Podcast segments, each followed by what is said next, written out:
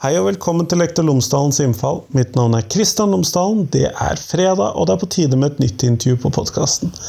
Denne gangen så snakker jeg med psykolog og frilansjournalist Katlin Lillo Stenberg om sosial stratifisering hos elevene. Og så lurer du kanskje på, inn i granskauen, hva er det han snakker om nå? Jo da, jeg kan kanskje si det på en bedre måte. Eh, hva med kastesystem blant elevene? Altså det at det danner seg A-, B- og C-lag blant elevene, og kanskje til og med det er en hel gruppe kasteløse, kanskje, i gåseøyne, som befinner seg utenfor dette, eller nedenfor dette, eller som i, i det hele tatt ikke får vært med å konkurrere engang. Eh, dette er da funnet på videregående skoler, gjerne i tilknytning til russefeiringen. Men hvor tidlig begynner det egentlig? Hva finner vi? Hvordan er dette? Hvordan er det for elevene? Hva, hvordan er dette for elevene som er i toppsjiktet? Eller hva med de som rett og slett bare ramla utafor? Hva med de i C-snittet her? Hvordan er det man oppnår disse plasseringene? Hva er det som er viktig? Hvorfor er dette problematisk? I det hele tatt, alle disse tingene. Det prøver jeg å snakke med Katlin Lillo Stenberg om i denne episoden. Ellers, podkasten er som alltid sponset av Fagbokforlaget, som utgir bøker og digitale læremidler for hele utdanningsløpet, fra barnehage til høyere utdanning og profesjonsstudier, samt norsk for minoritetsspråklige.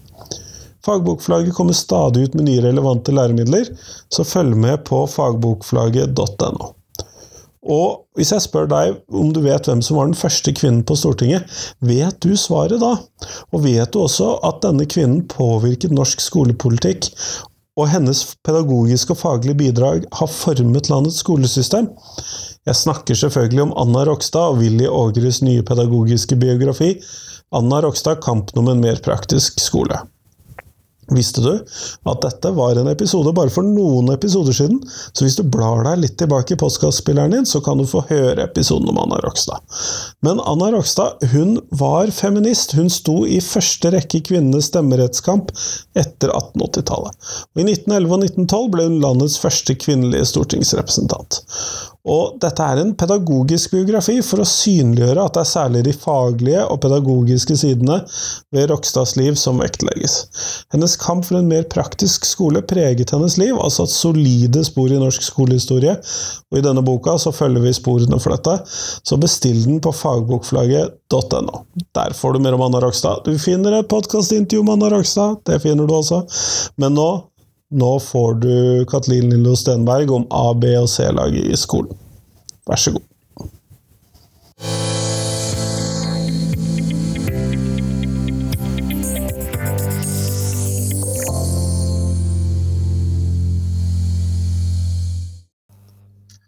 Katlin Lillo Stenberg, tusen takk for at du har tatt deg tid til meg i dag. Veldig hyggelig å få lov til å bli med i podkasten din. Før vi kommer sånn helt i gang med selve intervjuet, så hadde jeg håpet at du kunne fortelle lytterne mine tre ting om deg selv, sånn at de kan få bli litt bedre kjent med deg. Ja, eh, jeg er da journalist og psykolog. Jeg vet ikke om det er én eller to ting. Vi tar det som én, vi. Ja, eh, så da er jeg frilansjournalist. Eh, og så jobber jeg som psykolog på Bastøy, som da er et fengsel, lavsikkerhet, med ca. 125 karer, da. Som kan få lov til å komme til meg eh, hvis de spør. ja. ja så Det bra. er eh, mm. Og så skal vi se, skal jeg bare eh, Hva annet bør jeg si om meg selv? En annen ting er at jeg er stolt kaptein av en liten seilbåt fra 70-tallet.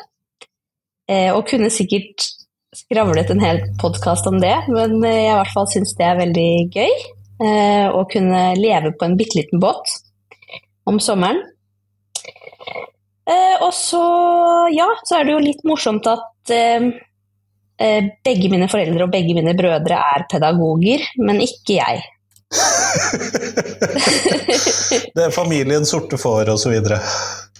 Ja, men jeg er veldig fornøyd med å ha pedagogforeldre. Det var veldig ålreit. Eh, med lange ferier og eh, litt hjelp hvis man trenger det og eh, sånt. Så jeg, er veldig fan av lærere og pedagoger. Det er vi alltid glad for å høre. Vi er jo svake for smigger, vi også. Eh, I dag skal vi snakke om en artikkel du har skrevet for H-magasin, og det utgangspunktet der. Og du skriver om et system med et A-lag, B-lag, C-lag, et sosialt system som vokser fram på en del skoler. Kunne fortelle mer om dette systemet? Ja, eh, det er et eh, slags sosialt hierarki som, eh, som fins, som du sier, på en del skoler i østlandsområdet primært, som jeg har forstått. Jeg har prøvd å ringe rundt til hele landet, eller til sånn elevombud. Eh, og det viser seg at det sannsynligvis er mest på Østlandet, da. Men det er et eh, hva slags kastesystem, egentlig, hvor eh, ungdommene deles inn i A, B, C eller ingenting. Eller du kan kanskje kalle det kasteløs. Og eh, dette er jo kanskje et fenomen som har oppstått eh, som del av eh, russekulturen og russegrupper russebusser, men nå har det utvidet seg veldig, sånn at det, det allerede begynner på ungdomsskolen. Uh, og noen av de ungdommene jeg har snakket med, visste om det allerede fra barneskolen, hvem som er A, hvem som er B og hvem som er C. Så det blir sånne grupperinger, da, og da er det jo naturlig nok A som er liksom høyest status, og så kommer B og C. Uh, og de som er utafor, er, er, bare utafor. Uh, så det er jo Eh, ganske spesielt, syns jeg. Eh, fordi jeg selv hadde ikke noe av det i min oppvekst eller da jeg var ungdom. Så liksom sånn et så bestemt system med eh, ABC. Jeg vet ikke, hva Har du hørt om det? Eh, jeg har jo bare jobbet på skoler i Bergen de siste 10-12 årene, sånn at for min del så fremstår dette som litt sånn ukjent, men det er jo ingen tvil om at det er en sånn sosial lagdeling også her, men kanskje ikke så den typen ord brukt om det. Men jeg har jo hørt om disse lagdelingene knyttet særlig til russebussystemet, eh, som jeg tror jo du har rett i når du peker på at dette kanskje har vokst ut av det. Eh, ja, og det er jo mm, det er jo eh, jeg har, liksom, jeg har fått med meg noen år nå at det er mye sånn uh, greier rundt det med russefeiringen. Uh, at det blir mye sånn de kule og dyre bussene og sånt. Men det her er jo sånn allerede når man er sånn 13, 13 år. ja, da er det... det ganske lenge til du skal være russ. Det er jo det. Uh, ja. Veldig mye skjer i løpet av de seks årene der. ja.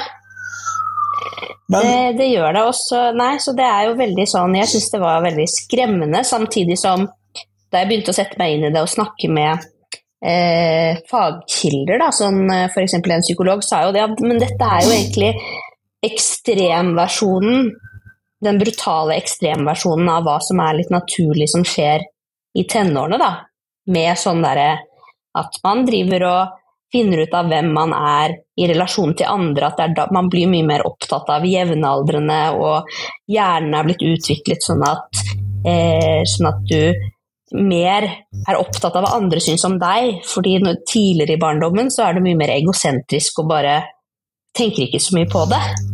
Eh, mens da blir det sånn å posisjonere seg, og hvem er min flokk, og det er liksom typisk, men dette her blir veldig sånn satt i et sånn system, da. Med en sånn litt sånn skjult maktstruktur. Som er litt sånn eh, De sier jo selv det er ikke én som er sjefen utnevnt som sjef, det bare blir sånn. Og dette er jo ikke noen Så, formaliserte ja. greier? Eh, nei, det er jo ikke det. Eh, så det er jo litt sånn derre Det er jo noen som kanskje går inn for å eh, være de ledende på de forskjellige lagene. F.eks. For snakket jeg med én eh, ungdom som hun hadde sammen med noen venninner eh, liksom gått Jobbet hardt da, da hun begynte på ungdomsskolen for å skape den kuleste eh, og største gjengen, sånn at de kunne kalle seg for A. Så det var sånn, Og da rekrutterte de liksom, da så de rundt på For dette det kan være på tvers av skoler også. Så da så de på sånn eh, andre skoler, hvem er de kule jentene der, og så klarte de liksom å vinne tittelen, da, men hun kalte det et sånt kappløp med andre gjenger. Eh, og at det var masse krangling om hvem som fikk være A, men til slutt så vant de.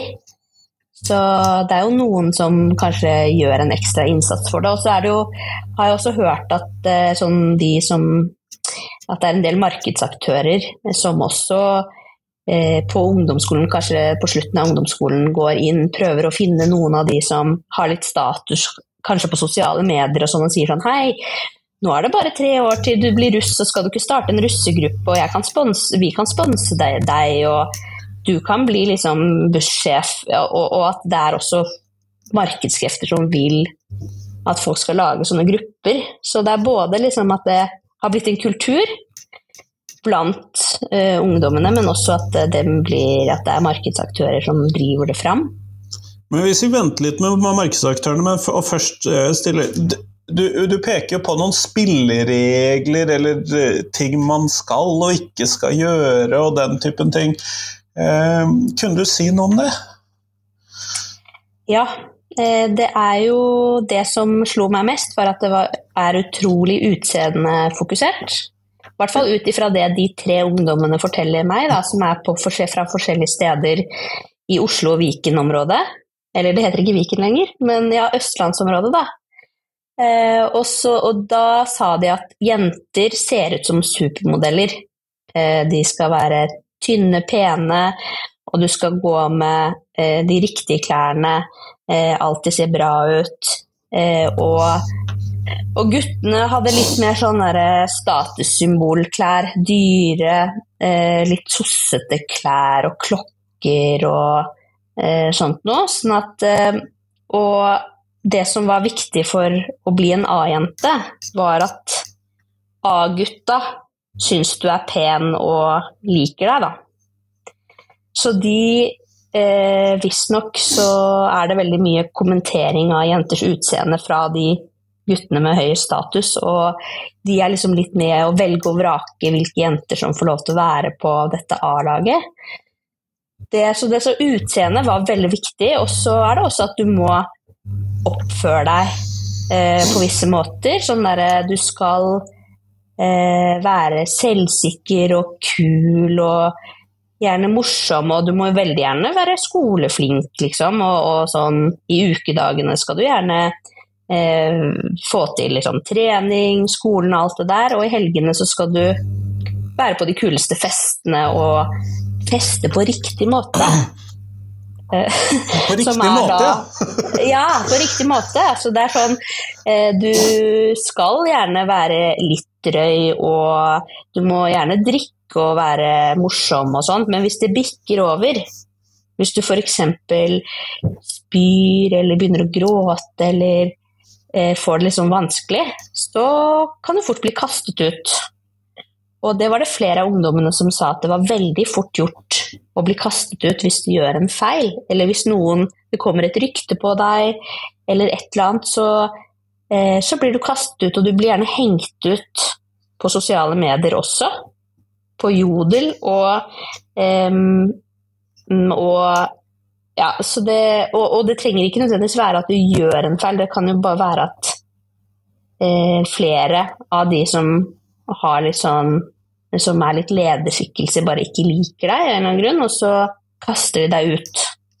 Da får du ikke være med lenger.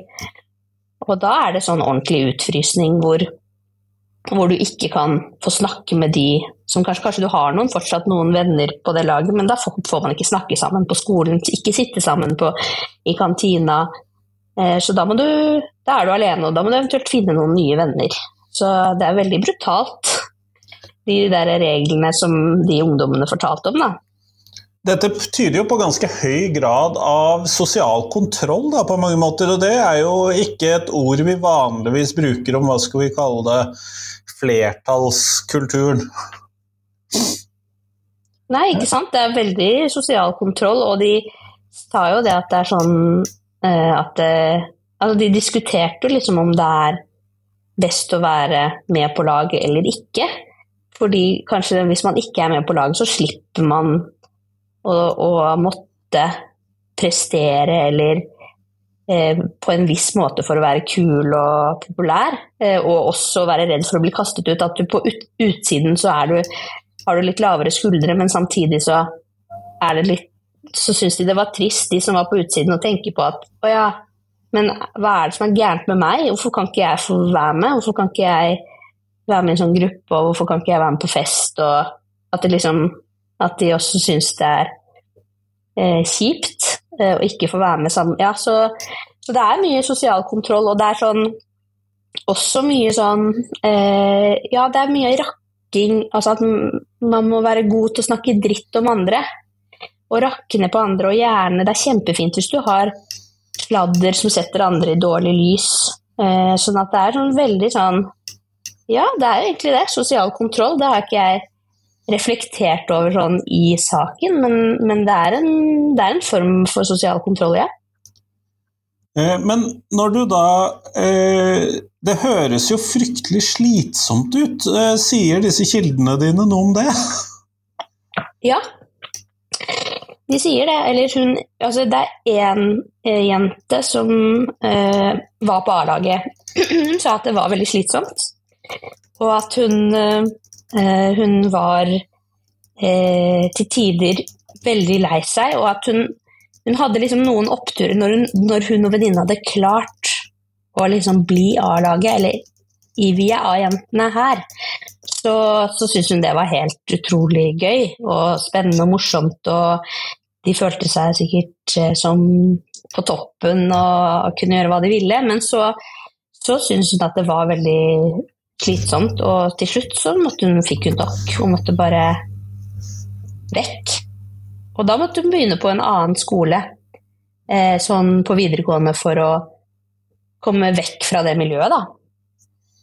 Og så vidt jeg skjønner, så, sånn så ble det reagert slitsomt. på det òg? Ja, ja, ja da, da, hun bestemte seg for å begynne på en skole hvor, eh, hvor det ikke er sånne veldig sånne grupper, så, og sa ja, jeg har bestemt meg for å begynne der, så var det sånn å ja. Da mente de at hun hadde forrådt dem, de andre på laget, og ville ikke ha noe med henne å gjøre lenger. Da. Så da har hun mistet det hun anså som sine nærmeste venner eh, på ungdomsskolen. Um, men da reflekterer hun også over at ja, vennskap er ikke viktig i dette systemet. Man er ikke lojal venn. Det er viktigere å eh, mestre eller klare de der spillereglene og, og, være kulest, være penest, ha mest status. Eh, blir viktigere, da. Så, og også, så har jeg også snakket med et eh, ombud som sier at uh, det er at det er skikkelig strevsomt for mange av de som, er, som holder på med og skal være eh, i, på A-laget, fordi at de også skal drive med litt sånn litt sånn der, uh, grensesprengende ting. Da, sånn gjerne litt sånn derre uh, Vet ikke, kle av seg og på fest. Og gjør, ta kanskje rusmidler som de ellers ikke ville tatt. Og, så det er nok eh, ganske mye press og stress Eh, og skulle være på topp. Og mange av dem også syns det er litt trist at de ikke kan Altså, de får liksom ikke lov til å henge med andre. Eller man Altså, det er liksom hovedregelen at nei, da holder du deg til det, det, den gjengen din, da. Det er en sosial eh, risiko å gjøre noe annet. Ja. Og så kan de angre seg, og så kan de tenke ja, men det var trist at ikke jeg kunne bli kjent med andre. Så ja. Men disse her som da er kasteløse eller bokstavløse eller uh, utafor, eller hva vi nå skal definere disse her som uh, Hvordan For du har jo snakket med noen av de, og hvordan opplever de å være da utafor i dette? Uh, de syns jo det er Altså, jeg snakket med en gutt som syntes det var veldig kjipt å måtte svare 'jeg er ikke med', fordi det er noe av det første de ungdommene i hans strøk eller rundt der han bor, på de forskjellige skolene Hvis han møter noen, så spør de 'hei, er du med på en gruppe, er du med i en gjeng? Og når han da må si nei, så, så sa han at uh, han syns det er liksom, nederlag, eh, kjipt, og føler liksom at han blir dømt ut ifra det. At han liksom ikke er kul, og han kjenner seg som en veldig sånn sosial type som liker å være på fest og ha det gøy, og jeg opplevde han som veldig sånn derre eh, Veldig sånn eh, snakkesalig og morsom og sånt. Sånn at eh, han syntes det var veldig kjipt, og han kunne ønske han kunne svare ja. Samtidig så sa han at han syntes det var helt forferdelig å tenke på hvis han skulle vært med i en gruppe og bli kastet ut, da. Og miste alle. Så det var som todelt at det både er eh, kjipt å stå på utsiden og måtte si sånn nei, jeg er ikke med, Samtidig som at uh, han også syntes at det var veldig mye negativt med å være en sånn A-gutt, som han sa. Og han uh, fortalte at uh, de, mange av de A-guttene som han kjente fra da han var yngre, som har blitt med i sånne A-lag, der var det mye slåssing mellom sånne grupper. Sånn, og at han sa at, de, at det var en kultur for å ta mye kokain, og det syntes han var veldig eh, skremmende. At eh, plutselig så, så liksom er slåssing og kokain blitt vanlig, da. Eh, nå er det så klart Det var en påstand fra han, så jeg vet jo liksom ikke helt Jeg har ikke sett det selv. Men, eh, men han, eh, han, sa at han, at han gjerne skulle vært med, samtidig som han syntes at han syns at det er veldig synd at det er et sånt system hvor man ikke bare kan bli kjent med hvem man vil, eller gå til hvem man vil på skolen. Eh, at det er liksom Der sitter de, og du kan ikke sitte med dem. Og han følte seg lost på skolen, visste ikke helt hvor han skulle gjøre av seg i friminuttene. Så det var litt det. Og det samme var vel med hun eh, Så var det en som gikk på ungdomsskolen som ikke er på sånn lag heller, som også sa det at Eller hun syns det er litt befriende å ikke være med fordi hun syns det virker veldig stressende Eh, og også syns hun det er veldig synd at det er sånn, at, man, ikke alle, at ikke alle kan bli kjent med alle og være sammen med hvem man vil og sånt.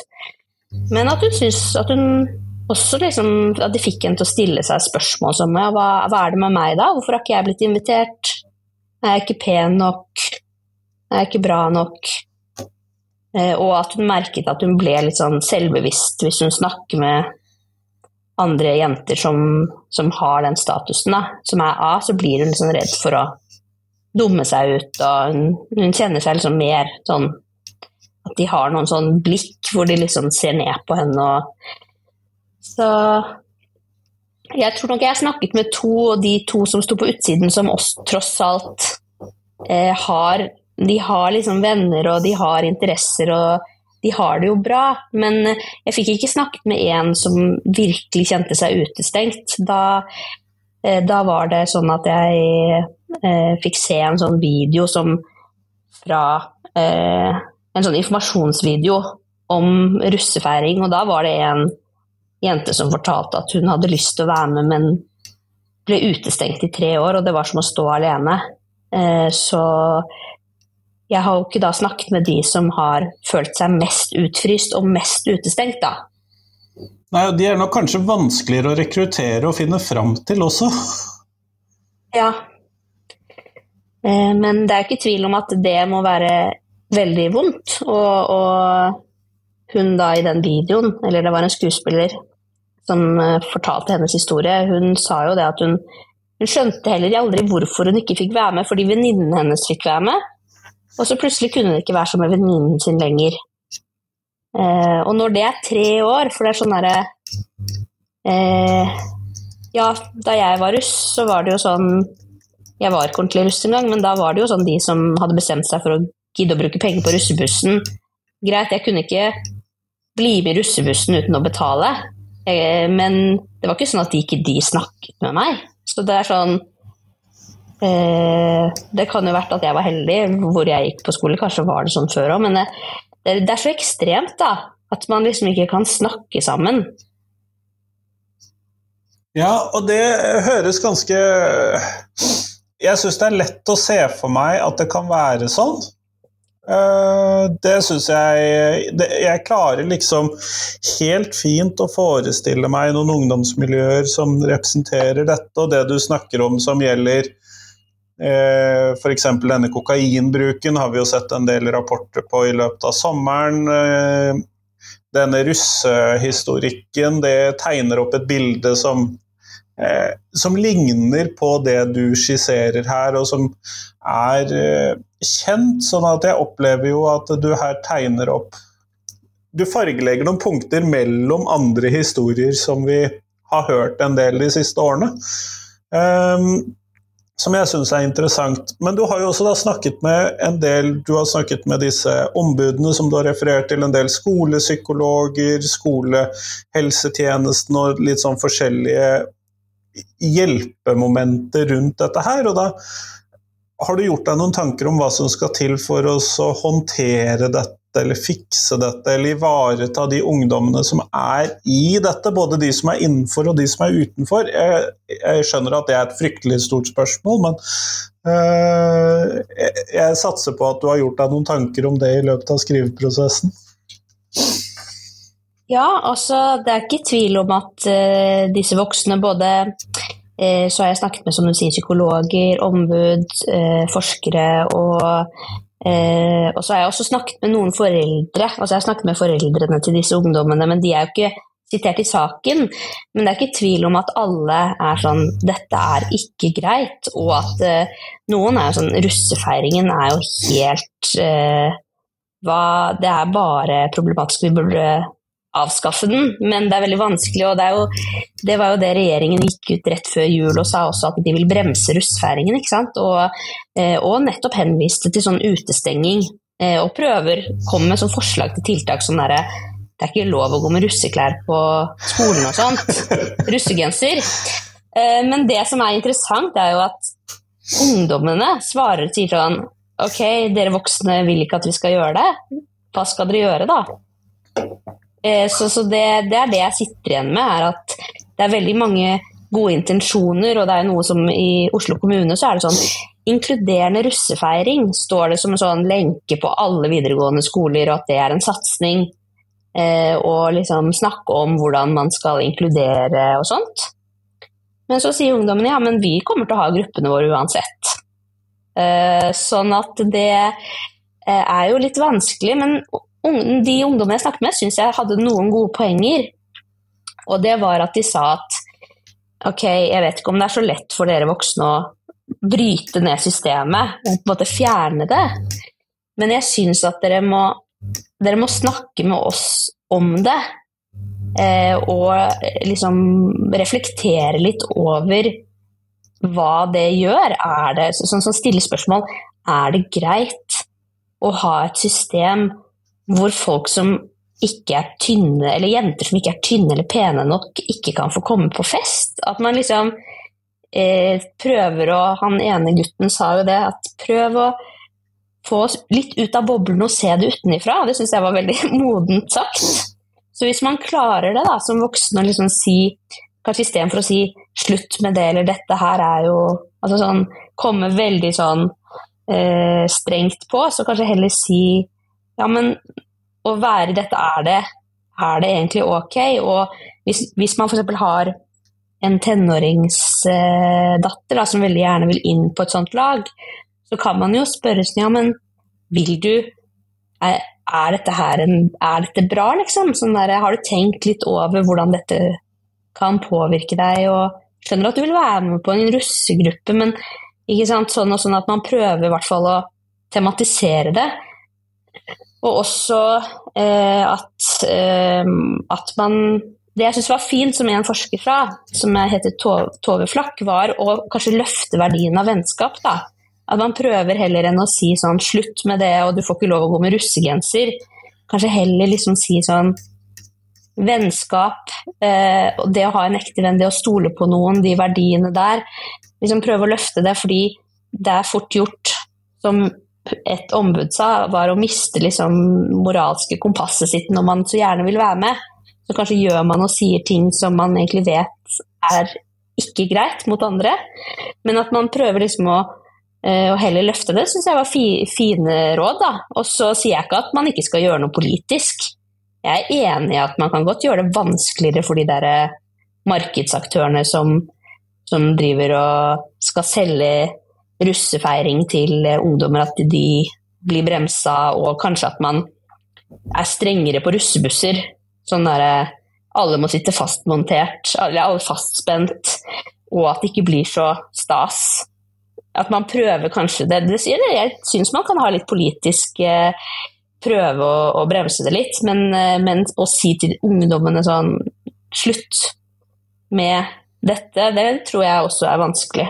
Eh, og man må få med ungdommene litt, men eh, å, og kanskje stilletiende bare akseptere det, er heller ikke greit og liksom gi masse penger til barna sine fordi ja, nå har du vært så flink i alle disse årene på skolen, så nå skal du få masse penger til russebuss og russefeiring. og eh, hun Ombudet sa jo at hun har møtt foreldre som syns det er litt stas at eh, barna er på A-laget og er de beste. Og, altså, status er jo også noe vi er opptatt av, vi voksne. Og hvis vi dyrker det liksom fram, så er det jo ikke rart at også, også barna begynner med det.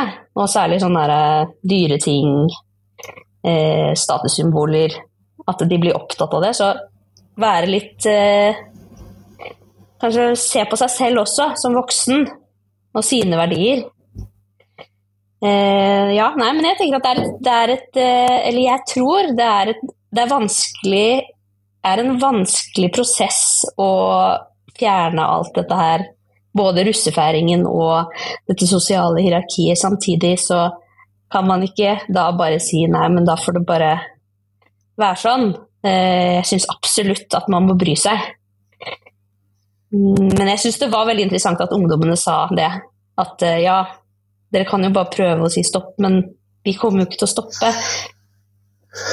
Nei, og da, det, dette forslaget om å forby russegenser og den typen ting, eh, må jeg jo si at jeg syns var kanskje ikke akkurat det smarteste forslaget i boka. Eh, for Nei. det finnes det så mange måter å komme seg unna på, og teknikaliteter, og eh, det blir et watch me. Eh, jeg sliter litt med å se at det er en fordel for norsk skole at vi opprettholder russetiden, er jo det jeg sitter litt igjen med. Kanskje særlig etter det du sier, i tillegg til disse russesakene og russesangene og alt dette her. Uh, mm. Og det er nok lettere å forby hele russetiden enn å forby russegenser fram til april. Eh, men ja. om det funker, er jo fremdeles et ganske åpent spørsmål i seg sjøl, som du peker på. Men uh, det er vanskelig å skulle se at dette bidrar positivt inn i norsk skole. Dessverre. For jeg syns det var veldig gøy de to gangene jeg var russ. Oi, det var to ganger? Ja. Sånn at uh, jeg skal vel ikke dra opp stigen altfor mye etter meg sjøl. Men uh, sånn er det jo. Men uh, Katlin, vi går mot slutten av intervjuet, og da skal jeg stille deg det avsluttende spørsmålet mitt. Hvilken lærer har gjort størst inntrykk på deg, og hvorfor det? Ja, det syns jeg var et godt spørsmål, fordi jeg har vært så heldig at jeg har hatt veldig fine lærere. Det vi kalte klasseforstander før, eller kontaktlærere, egentlig vil jeg si, helt optimale. Både liksom, for barneskolen så var det veldig bra, ungdomsskolen fikk vi en annen, det var også bra, og videregående. Så jeg syns det var vanskelig å velge. Men så tenkte jeg at jeg må nesten velge eh, hun som liksom la grunnlaget, og det var det er hun jeg hadde på barneskolen. Jeg gikk på Steinerskolen på Grav i Bærum. Og det er en som heter Helga Hauknes, som var som en ekstra, altså Hun var så dedikert, hun var som en ekstramamma. Og hun skapte liksom en sånn verden hvor det var eh, liksom Alt var sånn gjennomtenkt og eh, spennende, liksom, når det kom til eventyr, og alt var sånn Og det var alltid sånn gjennomtenkt sånn hva vi skulle synge, og hun også var veldig god til å se det enkelte barnet hva vi trengte.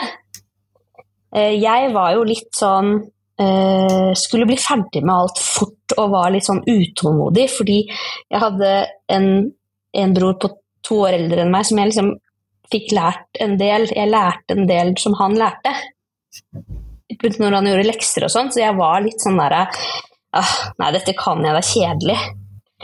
Og da satte hun seg ned med meg og var sånn ganske, Jeg tror det var sånn allerede jeg var åtte år. sånn derre du er smart, men du, du, tar for lett på det. Eller sånn, Hun sa det sikkert på en veldig pedagogisk måte, men at du må faktisk også gjøre en innsats. Og da fikk jeg en god vane da.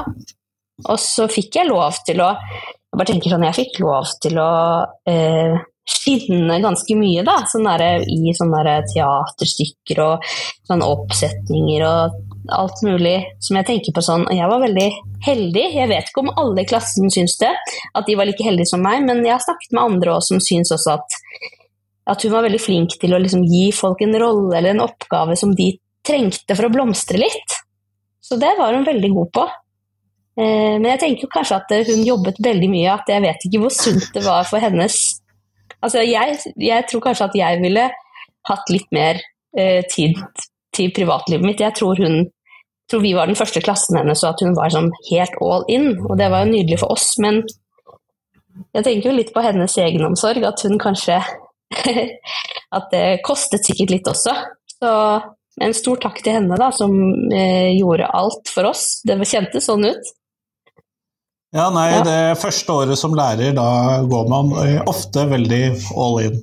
Det har jeg hørt ja. før. Men tusen takk for at du tok deg tid til meg i dag, Kathleen. Ja, det var veldig hyggelig å snakke med deg. Og ja, eh, jeg håper at dette temaet i hvert fall eh, er noe som folk da blir klar over. Det tenker jeg er veldig fint at du har med i podkasten også. At man liksom eh, Det er kanskje det første med å, å tenke at dette er noe vi må liksom snakke om og bry oss om. At ikke det bare skjer i ungdomsboblen, men at vi andre også vet om det. Så veldig hyggelig å få snakke om det. Og, eh, ja, og det er veldig bra eh, magasin, så det anbefaler jeg også. Jeg legger ved en lenke til H-magasin også i shownotesen, sånn at folk kan klikke ja. seg dit.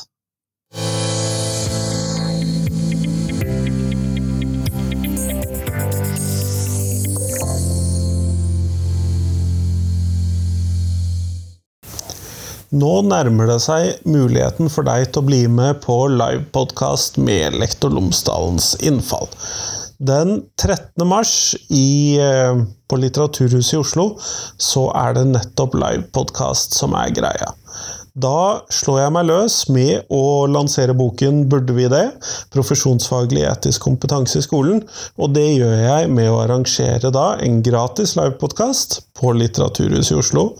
Du får da møte Sara Eline Eide, Håvard Søberg og Kristine Lilletun Norheim, eh, som fra hver sine vinkler så skal vi ta for oss hvordan vi kan gjøre skolen til et godt sted å være og et godt sted å lære for alle elevene. Og de aller fleste elevene 80 ish av elevene de trives godt i skolen, men hva med de siste 20% som av ulike grunner syns at dette ikke er så veldig bra? Hvordan får vi skolen til et bra sted å være for disse? Det bruker jeg lanseringsfesten min på boken til. Vi skal snakke om hvordan sørger vi for at skolen er en god skole for alle elevene. Du finner mer informasjon om dette på litteraturhuset.no på nettsidene til Lektor Lomsdalens innfall, dvs. Si lektorlomsdalen.no, og du finner det på Facebook-siden til lektorlomsdalen.no. Finner det også i Facebook-gruppen, sånn at her er det masse muligheter til å finne ut mer om livepodkasten 13. mars, Litteraturhuset i Oslo. Det kommer selvfølgelig som en episode på podkasten etter dette også, men jeg håper at du benytter muligheten til å bli med live hvis du kan. Hvis du er i Oslo. Strømmes ikke, men sending kommer senere. Men tusen takk for det. Jeg håper jeg ser deg 13. mars i Kverneland rom på Litteraturhuset i Oslo. Hei, hei!